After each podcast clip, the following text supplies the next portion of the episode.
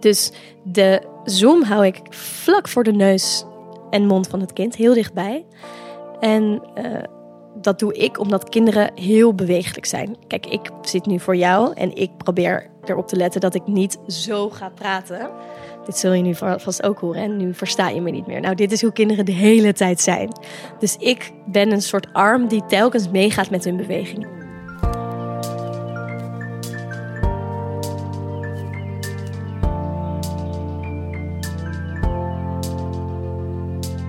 Podcast over podcasts. Meer meta gaat het niet worden. Mijn naam is Hidde Bruinsma en in deze serie ga ik in gesprek met podcastmakers over hun maakproces.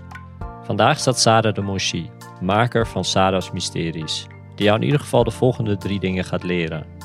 Waarom je jouw podcastidee moet testen bij je doelgroep, de belangrijkste stappen van een subsidieaanvraag en het effect van de opnameopstelling op het eindresultaat. Sarah is een echte verhalenverteller die zich perfect weet in te leven in de belevingswereld van kinderen.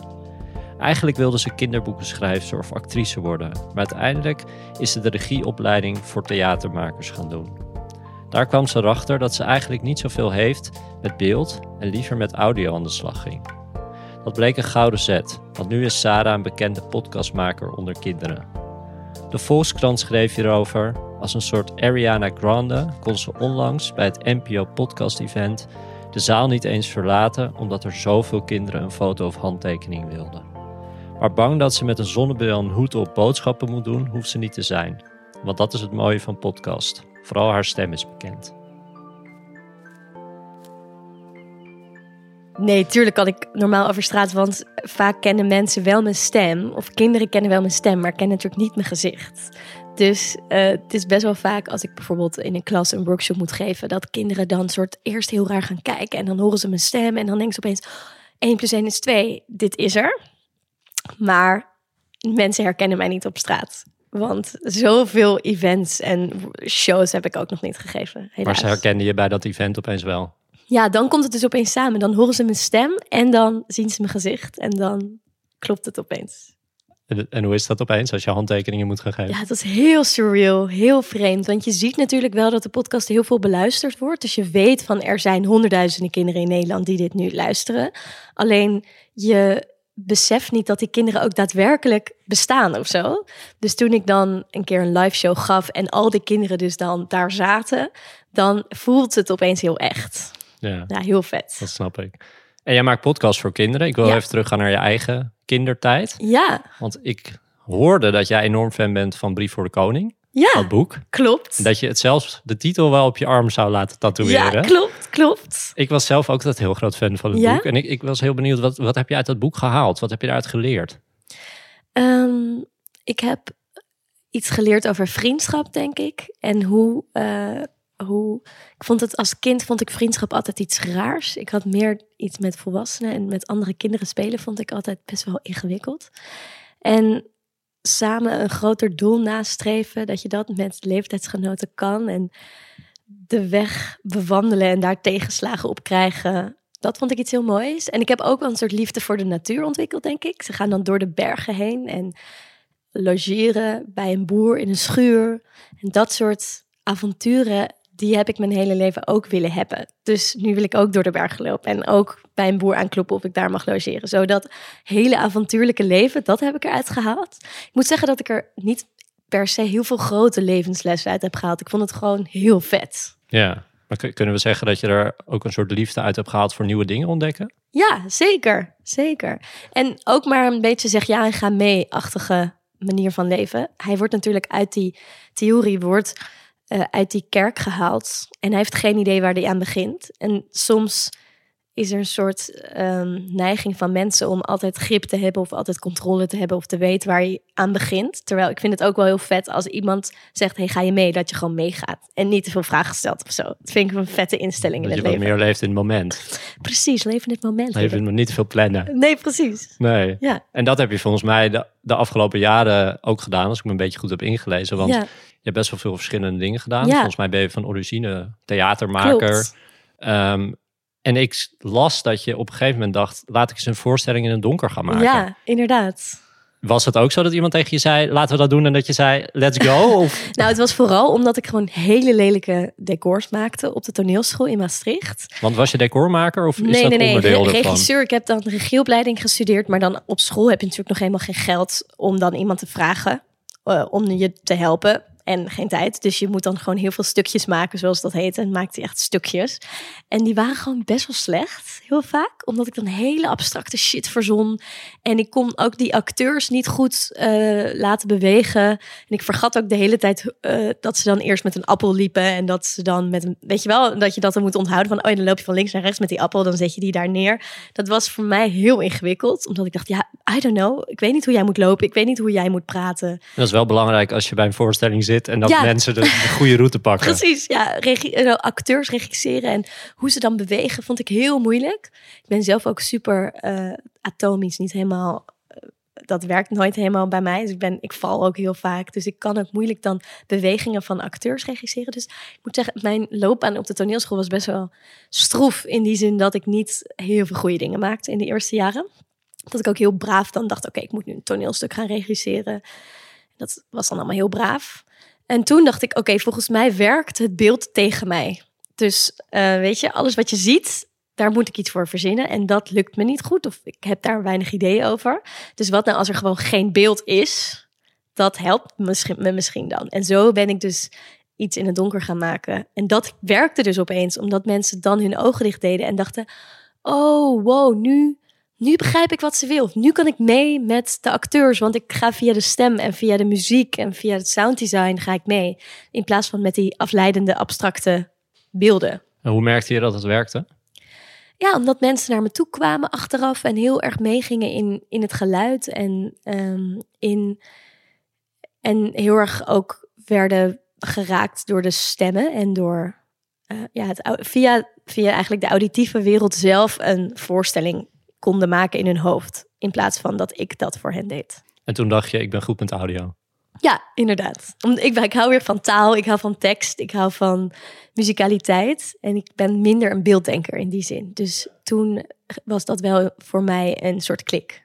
En toen ben je ook meer met audio gaan doen vanaf dat moment. Ja, dat, dat moest ook even op zich laten wachten. Maar in het jaar nadat ik afstudeerde van de toneelschool... voor het eerst iets met audio gedaan en daarmee geëxperimenteerd. En telkens voelde ik dat dat werkte voor mij. Ja. En was dat een podcast waar je mee experimenteerde of was ja, het wat anders? dat was een podcast inderdaad. Ehm, ja, dat was een podcast. Ik zou niet willen zeggen de beste podcast ooit. dat maar was toen, je eerste. dat was de eerste, ja. En toen volgde ik samen met iemand drie Europarlementariërs op weg naar de Europese verkiezing. En die waren alle drie heel jong en die wilden verkozen worden. En we volgden hen in hun strijd daarmee. Oké. Ja, de race om Europa heet het. Dat klinkt best wel leuk. Ja, het was ook heel leuk. En ik voelde, het was eigenlijk heel erg fijn. En ik voelde van, oh wacht, ik kan hier tekstjes schrijven. En het lukt me goed om zo'n vaag begrip als ehm, verkiezingen en zo, om dat in een goede structuur te brengen.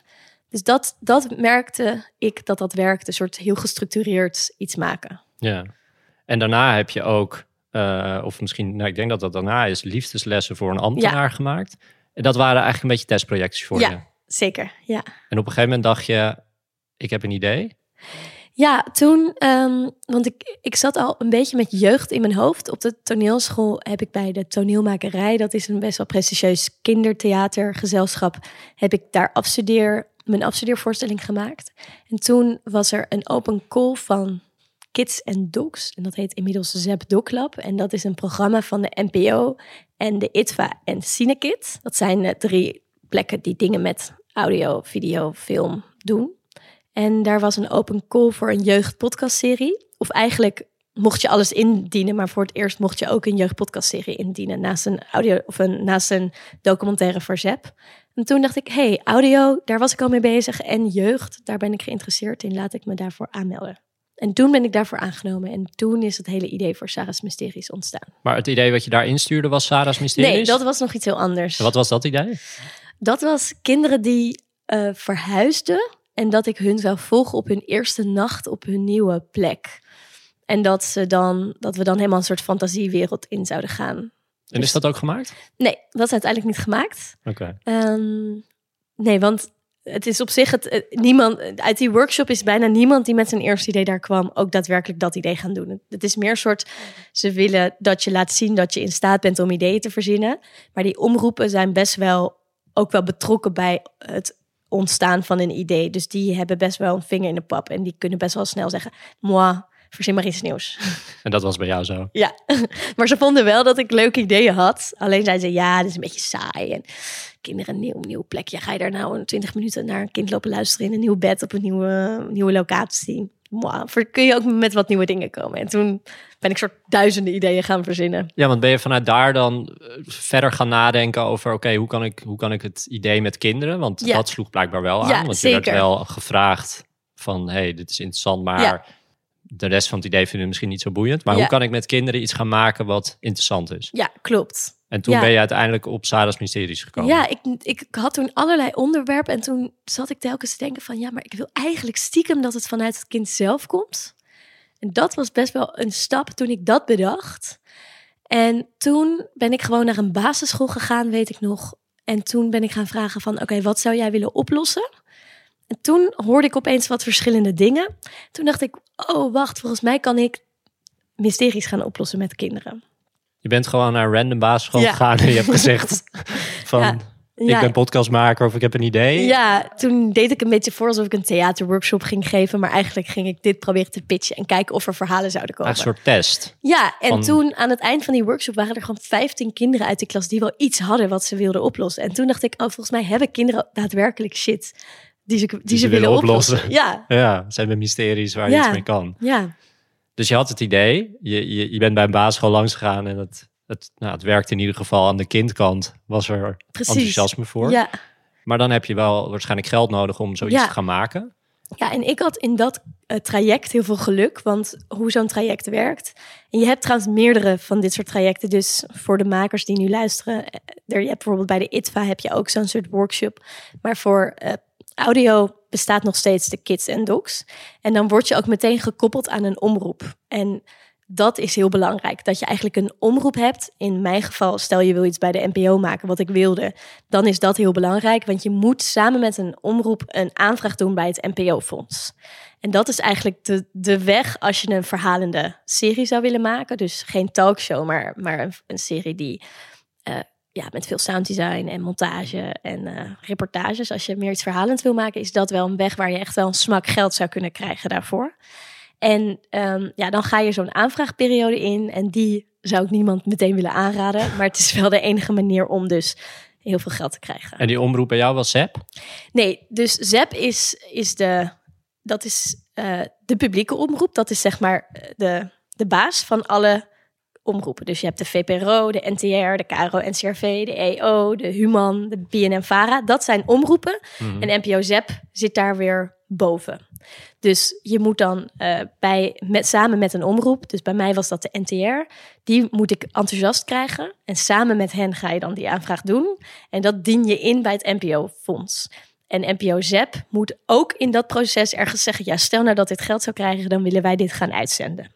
Oké, dus jij moest eerst de NTR enthousiast maken Ja. met een plan. Met een plan. En dan ga je met dat plan naar ZEP. Die moeten het goedkeuren. En dan ga je het plan nog veel verder uitwerken. En dan gaat het naar het NPO-fonds. Dus dan ga je eigenlijk met NTR en ZEP samen in jouw Ja. geval een subsidie aanvraag schrijven voor het NPO-fonds. Ja, klopt. En je zei net, ik raad het, Ja. of in ieder geval, ik wens het niemand toe om door Nee, zo'n week te gaan. nee, want hoe, want hoe nou, is dat? Het is een best wel bureaucratisch proces. Je moet allerlei plaatsingsintenties hebben en van allemaal managers brieven verzamelen die allemaal moeten zeggen: wij vinden dit een goed idee, want hier en hierin hierom en hierom past het binnen ons idee over wat goede podcasts zijn. Dus je moet allerlei mensen vragen om brieven te schrijven voor je. Managers van NTR? Ja, dus er zijn er dan eh, bijvoorbeeld de hoofdredacteur van de NTR, die moet een brief schrijven en ZEP moet een brief schrijven.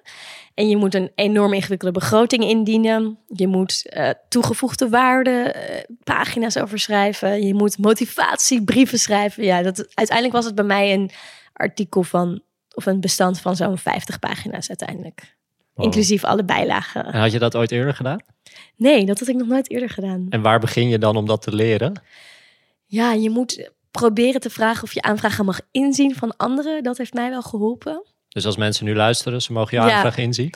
Ja, dat ligt een beetje of ze iets vergelijkbaars willen maken, zeg ik altijd. Dus als je ook een podcast voor kinderen wil maken, dan weet ik niet of ik hem zou sturen meteen. Want dan ga je misschien wel mijn idee pikken. Maar als je een heel ander soort podcast wil maken, dan wil ik hem je zeker Maar jouw idee is zien. al gemaakt, toch? Ja, weet ik, maar ik wil ook niet dat er een soort halve Saris Mysteries komt. Of een Nee, soort, een Maar- soort, een soort eh, ja. Misschien kun je een tipje van de sluier Ja, oplichten nee, van wat belangrijke onderdelen zijn van Ja. zo'n aanvraag. ja, goeie. Nou, ik denk dat motivatie heel belangrijk is. Dus, dus dat je heel duidelijk kan beargumenteren waarom A, jij dit wil maken. En B, wat het, eh, wat het toe, zou toevoegen aan het bestaande podcastlandschap. Dus dat je goed kan beargumenteren wat hier nieuw aan is. En waarom het, wat hier, eh, ja, Een soort goede concurrentieanalyse. Ja, een soort concurrentieanalyse. En ook wel dat je laat zien wat grotere thema's zijn. Ik weet nog dat ik dat eh, in het begin allemaal bij elkaar verzon. Dus dat ik een mogelijke aflevering verzon met een mogelijk groter thema. Omdat de NPO natuurlijk anders dan een Catnet of een Nickelodeon best wel ook probeert kinderen niet iets te leren, maar wel te, ja, hoe noem je dat? Te verrijken met inspiratie voor het leven. Dus stel dat je thema's als de dood of eh, oorlog. Dat zijn natuurlijk wel thema's die bij de NPO ZEP goed werken, omdat ze natuurlijk niet alleen maar een leuk verhaal willen. Dat is belangrijk. Maar ik moet ook wel zeggen dat, dat bijvoorbeeld zo'n eerste idee wat ik had eh, over eh, heim. Ik, had, ik dacht dat gaat hier ook over heimwee en over verhuizen. Dus op zich was daar niet zoveel mis mee qua groter thema. Maar dat vonden ze weer niet spannend genoeg. Dus het is ook belangrijk dat je iets laat, dat je laat zien waarom jij denkt dat kinderen dit echt willen gaan luisteren. Dus dat, je, dat het spannend is, of dat het avontuurlijk is, of eh, grappig of zo. Dat zijn wel dingen die NPO ZEP heel belangrijk vindt. Maar doe je dan een test met kinderen? Nee, dat heb ik niet gedaan. Dat durfde ik niet. Zou dat kunnen, denk je? Ja, dat zou zeker kunnen. Ehm, ja, of dat je bijvoorbeeld laat zien bij andere programma's eh, van, oh, dit werkt heel goed hier en hierom. Daar ben ik, dat zo'n soort element zou ik ook willen toevoegen. Kinderen zijn natuurlijk heel erg op ergens iets achterkomen of een soort. Ik, ik herinner me bijvoorbeeld dat je de Faker had in mijn toen ik aan het schrijven was. Dat was een programma waarin er een nep familielid probeert te doen alsof dat een familielid is. En dan gaat dan een team gaat dan proberen te kijken in een familie wie zeg maar de acteur is. Als je begrijpt wat ik bedoel. Mhm, mhm. Nou, dat zijn dingen omdat daar een heel duidelijke onthulling bijvoorbeeld in zit. Dat nam ik een beetje mee voor Sarah's Mysteries als leidraad. Ja, een soort spanningsboog. Ja. Ja, dus te diepe filosofische dingen gaan ze ook niet echt op aan. Dus het is een gekke combinatie evenwicht. tussen thema en, en soort populair. En zou, zou je mensen die zo'n subsidie willen aanvragen aanraden om daar hulp uit te zoeken? Ehm, nou, je kan het waarschijnlijk niet betalen, want eh, dat eh, het is allemaal heel duur. Maar stel je vindt iemand die dat... Want je kunt jezelf vaak niet eens betalen tijdens zo'n subsidieaanvraag. Want je kunt niet in retrospectief geld aanvragen voor je... Nou, trouwens, dat hebben ze aangepast, zeg ik nu. Volgens mij kan dat wel, dat je verschillende fases hebt. Dus je kunt dan eerst een conceptaanvraag indienen. En dan kun je dus betaald je vervolgaanvraag indienen. Oké, Dus dan krijg je 6000 euro bijvoorbeeld om dit te schrijven. dat is wel netjes. Ja, dat is heel netjes. Ehm, Maar jij kreeg niks. Nee, want wij gingen gewoon meteen voor de, voor de lange. En het bestond volgens mij ook nog niet in mijn tijd. Ehm, maar ik zou je zeker willen aanraden om hulp daarvoor te vragen. Ja, Ja. zeker. En jij hebt het geld uiteindelijk gehad. Ja. En misschien een gekke vraag, maar wat had je gedaan als je het geld niet had gehad? Ja, goede vraag. Ehm, nou, wat ik weet is dat er op dit moment geen pl- plek is in Nederland waar je zoveel geld kan aanvragen voor een verhalende podcastserie. Eh, je, nu met Podimo zou er een hele kleine kans zijn dat dat wel zou kunnen. Alleen in mijn tijd had je nog geen ja, eh, commerciële subsidiënten die zeggen: hier heb je 40.000 euro. Noem maar even een bedrag. Dat, dat gebeurt eigenlijk niet. Dus dan zou ik. En op dat moment had ik wel al de hele begroting gemaakt. Dus ik had al wel inschatting hoeveel het zou gaan kosten als ik zou willen maken wat ik wilde maken. Dus ik vraag me af of de podcast er dan geweest was, eerlijk gezegd. Of ik het dan op eigen houtje was gaan maken. Dat denk ik niet. Want daar was die begroting wel te groot Ja, voor. dan ben je al wel te ver. En heb je bijvoorbeeld, ik had op dat moment had ik al een componist gevraagd en ik had al een editor gevraagd. Dus ik had al een beetje een soort hoop hoe het zou kunnen gaan klinken. En dan moet je dat dan allemaal zonder die dingen gaan doen. Dat had, dat had me, ja, ik weet niet of ik het dan had gedaan. Nee. Nou ja, is, goede vraag. het, is, het is gelukt. Je Ja. hebt geld gehad. Precies. Ehm, en wordt er dan ook een team op je idee gezet? Krijg je dan ook mensen mee die het met jou gaan maken? Is dat ook onderdeel van zo'n toe- toezegging? Ja, je krijgt een eindredacteur. Dus dat is een soort baas. En in mijn geval is, was dat echt een van de beste eindredacteuren van podcast Landschap. Zij heet Marion Oskamp en zij heeft hele, heel veel grote podcasts de eindredactie van gedaan. Zoals De Brand in het Landhuis en uh, nou, echt superveel podcasts. En zij is echt een soort podcastmoeder oma-achtig type. Die is, uh, ik weet niet precies hoe oud ze is, daar heb ik nooit durven vragen, maar ergens rond de 60 iets ouder. En zij weet alles. Dus zij stond echt uh, bij mij op speed dial. Um, dus ik, mocht, ik mag haar, ja, ik bel haar nog steeds, denk ik, twee, drie keer per week met een vraag.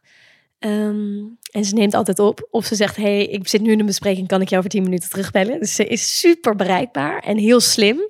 En heel goed in het begeleiden van zo'n traject. Dus dan zat ik in de auto op weg naar een kind. En dan dacht ik, ja, wat moet ik nu aan die ouders precies gaan zeggen wat we gaan doen? Want het mysterie heeft iets met die ouders te maken. Wat moet ik dan zeggen? En dan zegt ze, oké, volgens mij moet je dit wel zeggen tegen die ouders en dit niet, weet je wel. Dus zij was heel goed daarin.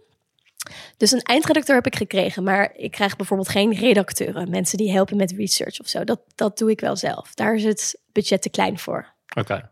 En een editor? Een... Ja, dat is iets wat je zelf kan bedenken. Ik ben zelf niet zo'n hele goede editor. En ik heb echt vaak mijn toetsenbord soort echt uit frustratie uh, weggegooid. Omdat ik zo gek werd van dat proces. En ook omdat ik um, in het begin al heb gewerkt met een editor. En dat ik dus weet hoe snel het kan gaan. Want hij is echt Nederlands snelste editor, ben ik van overtuigd. Dus telkens als ik het dan zelf wilde doen, dan ging het zo langzaam in vergelijking met als ik naast hem zat, dat ik daardoor alleen nog maar gefrustreerder werd. Dus voor mij werkt het heel fijn om naast iemand te zitten. Maar dat is voor iedereen anders. Als je zelf het leuk vindt om lekker zelf te knutselen daaraan, dan zou ik het je ook zeker aanraden, want dan hou je uiteindelijk meer geld over. En want, want ik, ik wil even een stukje laten luisteren, ook over de techniek. Ja. Want op het moment dat jij bij een kind binnenkomt, ja. dan zeg je heel vaak van, we gaan de podcaststudio opbouwen. Ja. Ik ben heel benieuwd, na het stukje wat we hebben gehoord, ja. hoe die techniek eruit ziet. Ja, is goed. Ik spreek met hem af in een van die huizen. Hij staat al bij de deur en laat me zijn kamer zien, die vol met Lego staat. En daarmee heeft hij een duidelijk toekomstplan. Denemarken, daar wil ik gaan wonen als ontwerper van Lego pakketten. Luc heeft blond haar, broeken met gaten en in zijn kamer bouwen we onze podcaststudio op. Het gaat vooral om het laatste stukje. In zijn kamer bouwen we de podcaststudio ja. op. Ja. Wat, wat is er allemaal onderdeel van zo'n podcaststudio? Ja, goede vraag. Um, nou, ik moet zeggen, dit is in het eerste seizoen. Toen deed ik dat wat uitgebreider dan dat ik het nu doe. Wat ik vaak doe, is dat ik bijvoorbeeld de gordijnen dicht doe en een soort van intieme ruimte creëer. Bijvoorbeeld een, een laken boven zijn hoog slaper, uh, een soort van, van naar beneden hangen om een soort van meer katoen te incorporeren. Dat is goed voor het geluid. Dat is dan goed voor het geluid. Maar het is ook meer een soort van ding wat we dan samen doen om, um, om een soort iets leuks te doen. Maar basically hoeft er niet heel veel opgebouwd te worden. En wat voor microfoon gebruik je? Ik gebruik een Zoom H6. Um, en daar gebruik ik de, uh, de, de microfoon op die daarvoor is. Dus de meegeleverde microfoon. De kop die je erop zet. Ja, het kopje. Uh, eigenlijk gebruik ik vaak deze. Die vind ik heel fijn. Um, die gebruik ik en, uh, voor kinderen. En dan heb ik ook nog een Sennheiser E 835. En die gebruik ik vaak voor mijn eigen stem. Dus de zoom hou ik vlak voor de neus en mond van het kind, heel dichtbij.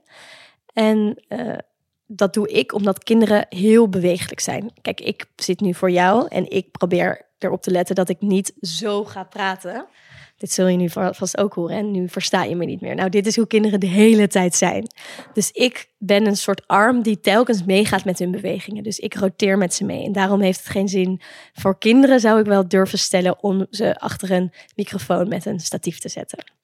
Dus dat doe ik in de interview settings. En als we op pad gaan, dan um, heb ik ja, dan eh, gebruik ik ook vaak twee microfoons. En eentje heb ik dan in mijn hand en de andere hou ik voor het kind zijn neus. En af en toe gebruik ik uh, natuurlijk de microfoon om ook omgevingsgeluiden op te nemen. Maar dat doe ik dan in een apart spoor. Goeie tips voor als je iets met kinderen met een podcast wil doen. Ja, en ik moet zeggen dat, dat um, ik ook wel geloof dat voor volwassenen het soms helemaal niet erg is om het vast te houden. Omdat je ook iets meer mee kan gaan in een wat meer vloeiende beweging. Want nu, zeg maar, onze setting is best wel formeel, als ik dat mag zeggen. We zitten tegenover elkaar. We hebben allebei een statief, wat een soort formaliteit inhoudt. En ik denk dat dat heel goed is voor ja, ook de wat meer formelere gesprekken. Maar als je bijvoorbeeld je oma wil interviewen, dan zou ik, dan zou ik bijvoorbeeld deze setting niet aanraden. Dan zou ik zeggen, ga lekker samen op de bank zitten, zodat je naast iemand zit. Zodat ook je oma lekker voor zich uit kan staren. Stel je wil je oma vragen naar haar jeugdherinneringen, dan zou ik zeker niet dit aan willen raden. Want dan zit het heet naar jou te kijken. Dan zit het heet het jouw mimiek te checken van, oh, wat, wat vindt mijn kleinzoon of dochter hiervan? Terwijl als je naast iemand zit en je houdt gewoon dat ding een beetje voor diens neus, dan verleid je iemand veel meer om even niet met jou als interviewer bezig te zijn, maar gewoon in diens eigen gedachten te komen. Dus ja, ik, ik verkies eigenlijk, het ligt een beetje aan het soort gesprek, maar vaak wel een setting waarin iemand niet heel veel met mij bezig is. Nou, dat is wel een tip voor mij om voor volgende keer mee te nemen. Ja, nou ja, Ja, maar het om kan een beetje met spelen. Precies. Ja. En voor nu werkt het goed, want het is ook heel leuk om elkaar aan te kijken. En het geeft ook een beetje dat podcastgevoel.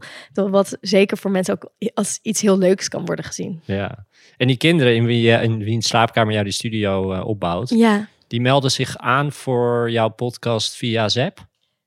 ja, dat is ook een grappig verhaal. Eigenlijk gebeurt dat niet vaak. Ehm, want ik krijg heel veel aanmeldingen binnen, wel drie per week ongeveer. Maar daar zitten vaak niet de verhalen tussen die ik wil vinden. En dat komt in mijn optiek omdat kinderen het best wel moeilijk vinden om authentieke mysteries te verzinnen als ze al aan het luisteren zijn geweest. Dus kinderen hebben iets gehoord over een schuurtje en gaan eigenlijk vrij snel denken: Oh, heb ik ook een schuurtje in, in de buurt? Dus ik krijg heel vaak dingen binnen die al op de een of andere manier geweest zijn. Of die toch te simpel zijn, zoals ik heb een sleuteltje gevonden ergens, maar ik weet niet waar die op past of zo. Ehm, dus wat ik doe om kinderen te vinden, is dat ik toch naar, naar hun toe blijf komen. Dus ik ga naar, eh, naar judo-lessen of schaaklessen of eh, theaterles of, of naar basisscholen om daar kinderen te spreken die het liefst podcast nog niet kennen. En zo een soort duizend vragen aan ze te stellen. En hopelijk zit er iets tussen wat aangaat. Wauw. Dus Ja. je bent heel veel op reis eigenlijk om Ja. de verhalen te zoeken. Ja, eigenlijk is dat best wel een groot onderdeel van het werk. Ja, ja en ik heb vaak, als ik bijvoorbeeld naar een school ga waar ik dan in drie klassen kom, dus dan spreek ik eh, honderd kinderen bij wijze van spreken, dan zit daar, als ik geluk heb, er eentje tussen. En vaak heeft de helft van de klas een mysterie, dus reken maar uit, heb ik 45 kinderen gesproken. En als ik geluk heb, zit er daar eentje tussen. Maar en op basis waarvan selecteer je voornamelijk? Ehm, ja, drie dingen eigenlijk.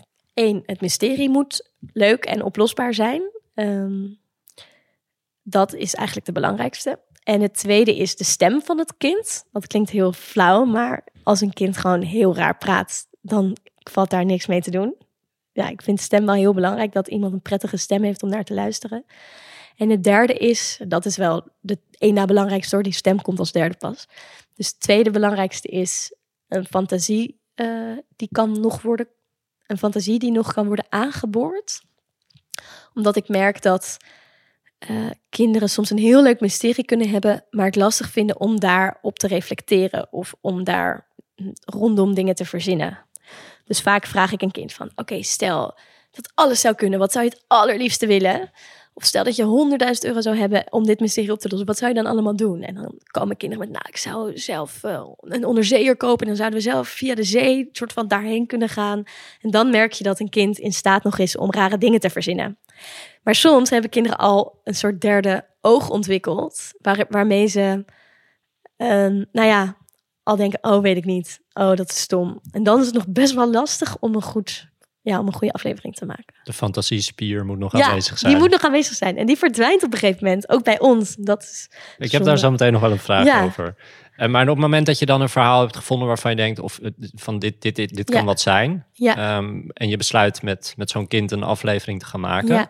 Wat voor afspraken worden dan met de ouders Ja, slash goeie vraag. verzorgers gemaakt? Goeie vraag. Ehm, nou, wat ik vaak doe is dat ik nog tussen het schoolmoment, dan heb ik een kind vaak maar vijf minuutjes gesproken en dan denk ik van, oké, dit is echt wat.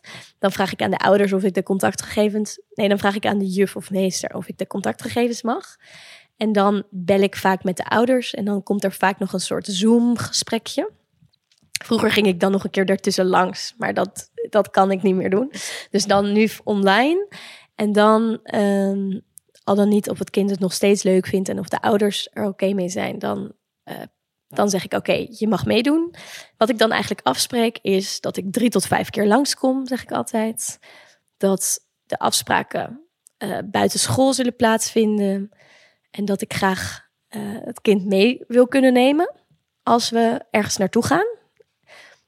En dat er foto's worden gemaakt. Dus dat soort afspraken maak ik met de ouders. Zijn er wel eens ouders geweest die zeiden nee? Nou, nu toevallig net was ik met echt tien minuten voordat jij kwam, was ik met een moeder aan het bellen. We gaan volgende week naar Eindhoven om een basisschooljongetje terug te vinden uh, voor een mysterie. En toen zei, die moeder, ja, zei die moeder van ja, ik zou dan graag wel mee willen.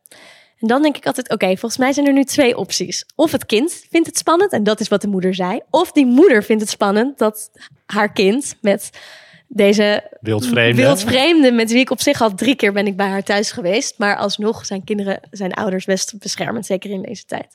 En dat heb ik liever niet. Dus ik moest die moeder wel even duidelijk maken dat in principe ik gewoon een volwassen iemand ben die een rijbewijs heeft en die nooit brokken maakt en die niet haar kind gaat ontvoeren. Maar dat het voor mij wel belangrijk is om dan echt met z'n tweeën te zijn, om ook het kind open te maken op levels die dat toch niet doet met de ouders erbij. Dus dat zijn zeker wel gesprekken. En als ouders het echt niet willen, of als kinderen het eigenlijk, ja, dan ga ik toch wel blijven pushen.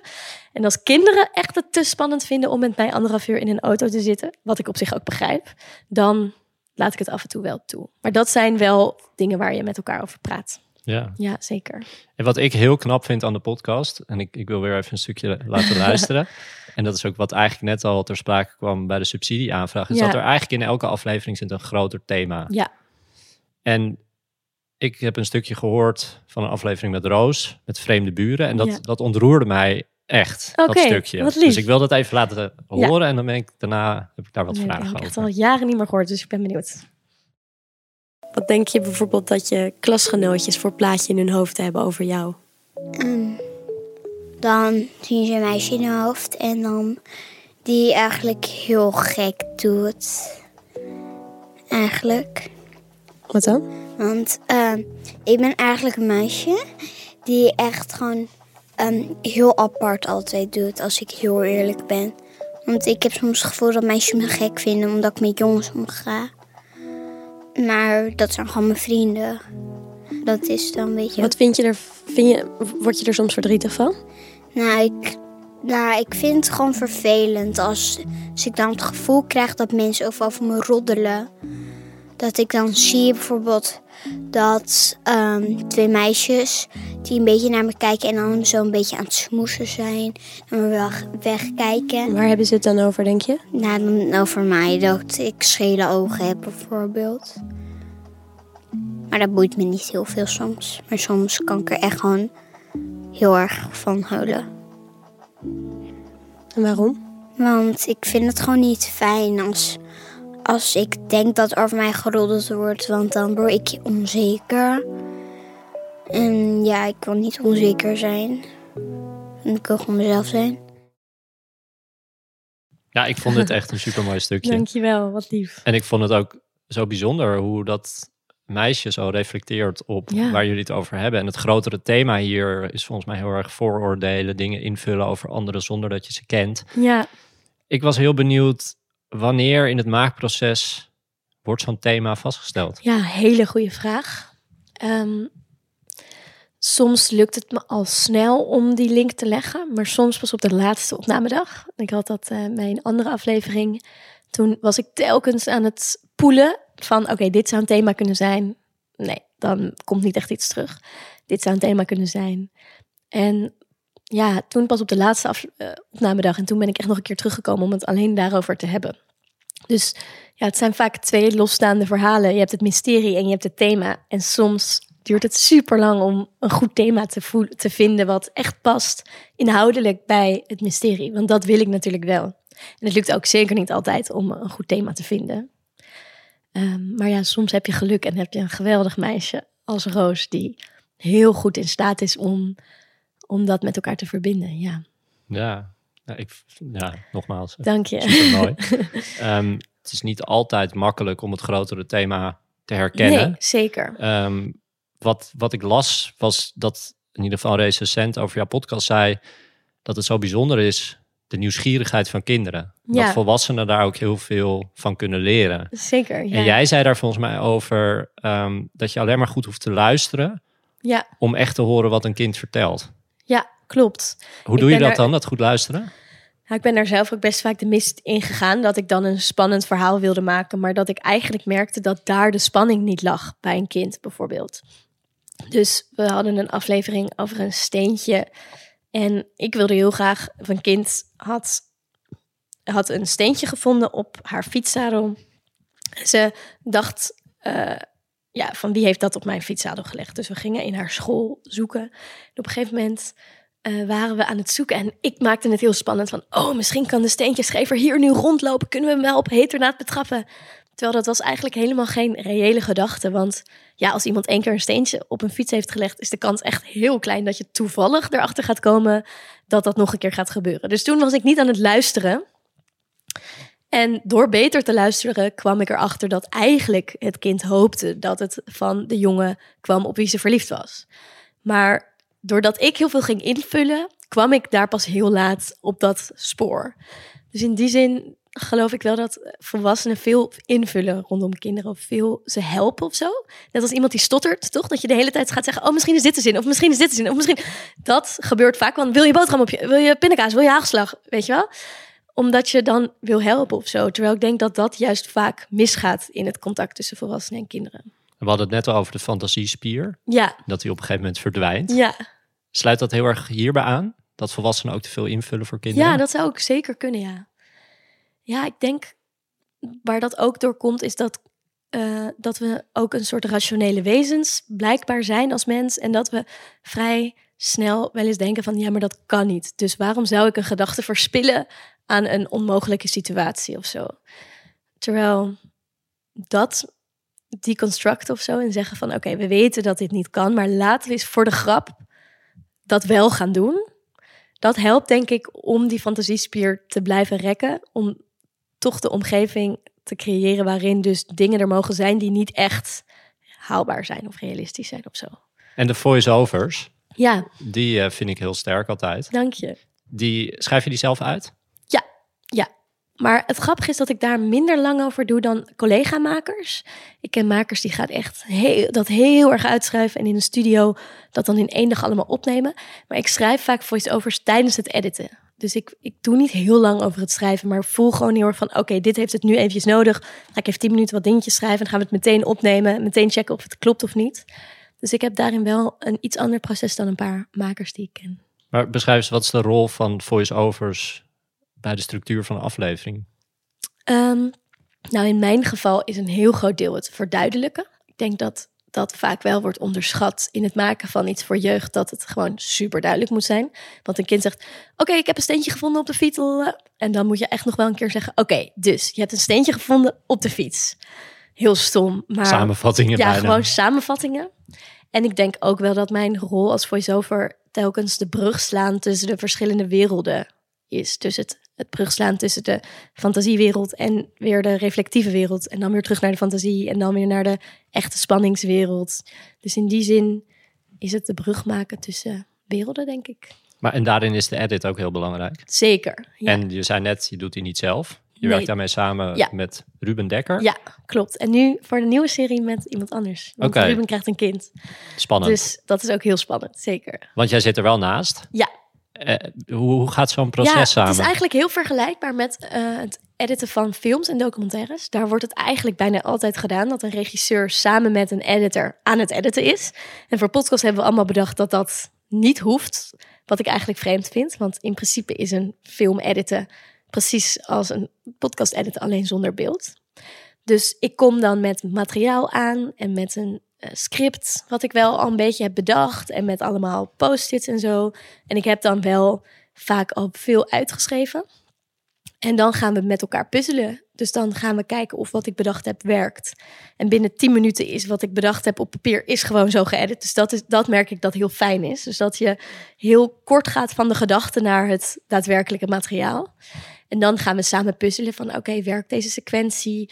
Werkt het toch beter als we eerst de trap oplopen en dan pas beginnen met praten? Of is het toch leuker als we dat eh, beneden doen?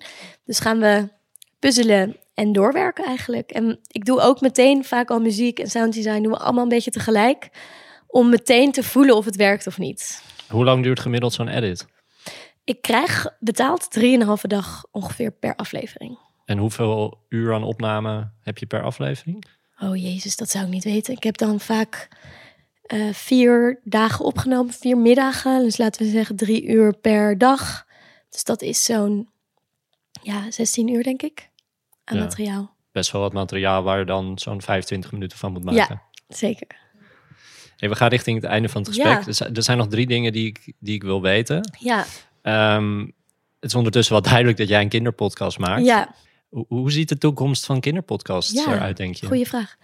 Nou, wat ik heel leuk vind, wat je nu wel steeds meer ziet, is meer fictieverhalen en luisterboeken. Dat is natuurlijk, nu wordt dat dan ook een podcast genoemd, terwijl dat is eigenlijk gewoon een soort luisterboek met muziek en, en een beetje sounddesign. Ehm, maar wat je ook meer vanuit de commerciële hoek ziet, is dat er in Frankrijk, heb ik een beetje onderzoek naar gedaan, heb je echt een, een soort eh, eigen device, een soort podcast device, wat elk kind heeft. Dat is echt sick. In Frankrijk heeft gewoon bijna elk kind dit. Een soort podcast device waar kinderen dus, waar je dus podcast op kan kopen. Kinderen kunnen dan dus zelf dat aanklikken. Dus eh, ik hoop heel erg dat dat soort devices ook naar Nederland komen. En je dus allerlei verhalen op zo'n device hebt waar kinderen dus echt veel autonomer kunnen gaan luisteren. En ja, dat zou natuurlijk super leuk zijn, want dan zou je gewoon alle vette kinderpodcasts kunnen verzamelen en luisterboeken. En dan kunnen kinderen dat gewoon zelf opzetten. Ja, zeker. En hoe ziet jouw rol als podcastmaker er in de toekomst uit? Ehm, ja, goede vraag. Ik vind dat altijd heel spannend. Omdat je hebt van die mensen die echt van die lijpe dromen hebben van ik wil, ik wil president worden en zo. Dat heb ik niet zo. Ik leef een beetje per jaar. En nu dan voor de komende twee jaar weet ik dan wat ik ga doen. Per dag leef je toch? Hadden Ja, per dag, inderdaad. Ehm, maar ik zou het wel heel leuk vinden om ook ooit eh, meer iets fictioneels te maken. Dat, daar, dat gaat nu ook wel gebeuren, hoop ik. Een soort lijpe tocht, een soort Odyssee-achtige roadtrip in de auto... met allemaal ontvoeringen en tankstations en gewoon crazy shit. Wat dan niet kan in Sarah's Mysteries, maar dat dan wel zou kunnen in het echte leven. Of nee, in de fantasie. Ehm, ja, ik hoop dat ik gewoon mag blijven maken. Ja, het klinkt heel stom, maar eh, dat hoop ik. Want je bent nu wel met een nieuw seizoen van Sarah's Ja, Mysteries bezig. nieuw seizoen en ook voor volwassenen een, een eh, zo'n soort ja voor de mensen die heavyweight kennen en proberen we een Nederlandse heavyweight te maken. Dat is een hele bekende Amerikaanse serie. Ik weet niet of dat gaat lukken want het is super moeilijk. Dus ik ja waarschijnlijk wordt dit een flop. Maar goed dan hebben we dat ook weer gehad. Ja ik zou het wel heel vet vinden om een serie te maken ook voor volwassenen die beklijft die verhalend is en die misschien wel jaren kan duren. Dat zou ik denk ik echt heel vet vinden. Dus een, ja, een serie waar je gewoon tien seizoenen van hebt. En waar ik dan elke aflevering met iemand iets ga doen. En wat mensen echt gaan kennen. Wat een beetje onderdeel wordt van een landschap. Dat zou ik wel heel vet vinden. En als je nu terugkijkt op het hele proces van een Ja. voorstelling maken in het donker, tot experimenteren met podcasts, Ja. tot het ontwikkelen van een enorme liefde voor audio en uiteindelijk een van de grootste podcasts maken voor kinderen in Nederland. De Sarah's Mysteries Ja. wordt volgens mij enorm veel ja, beluisterd. ja, klopt. Wat zijn dan voor jou de belangrijkste dingen die het maken van podcasts je hebben opgeleverd? Ehm, nou, de makkelijkheid ervan. Dus je kunt gewoon, ik heb een klein doosje en daarmee ga ik gewoon op pad. Dus wat je met andere media hebt, dat er enorm veel bezwaren, kosten aan verbonden zijn. En dat is niet zo met audio. Dus je, het is een heel toegankelijk medium. Dus dat heeft me opgeleverd dat je iets kan willen en het dan ook gewoon wel kan doen. Ehm, en wel echt de ontwikkeling van hoe kun je nou iets maken wat werkt voor audio. Dus hoe kun je iets bedenken of opschrijven dat jij het voor je gaat zien. En wat heb je daarvoor nodig? Welke details moet ik daarvoor geven? Welke haakjes moet ik daarvoor geven dat, dat er een wereld ontstaat in iemands hoofd? Zo, dat heeft me het maken van podcast heel erg opgeleverd. Dat je dus gaat denken vanuit audio. En vanuit, oké, jij hebt hersenen. Hoe gaan jouw hersenen werken? Hoe gaan zij verbindingen leggen om vervolgens zelf iets heel lijps voor te stellen?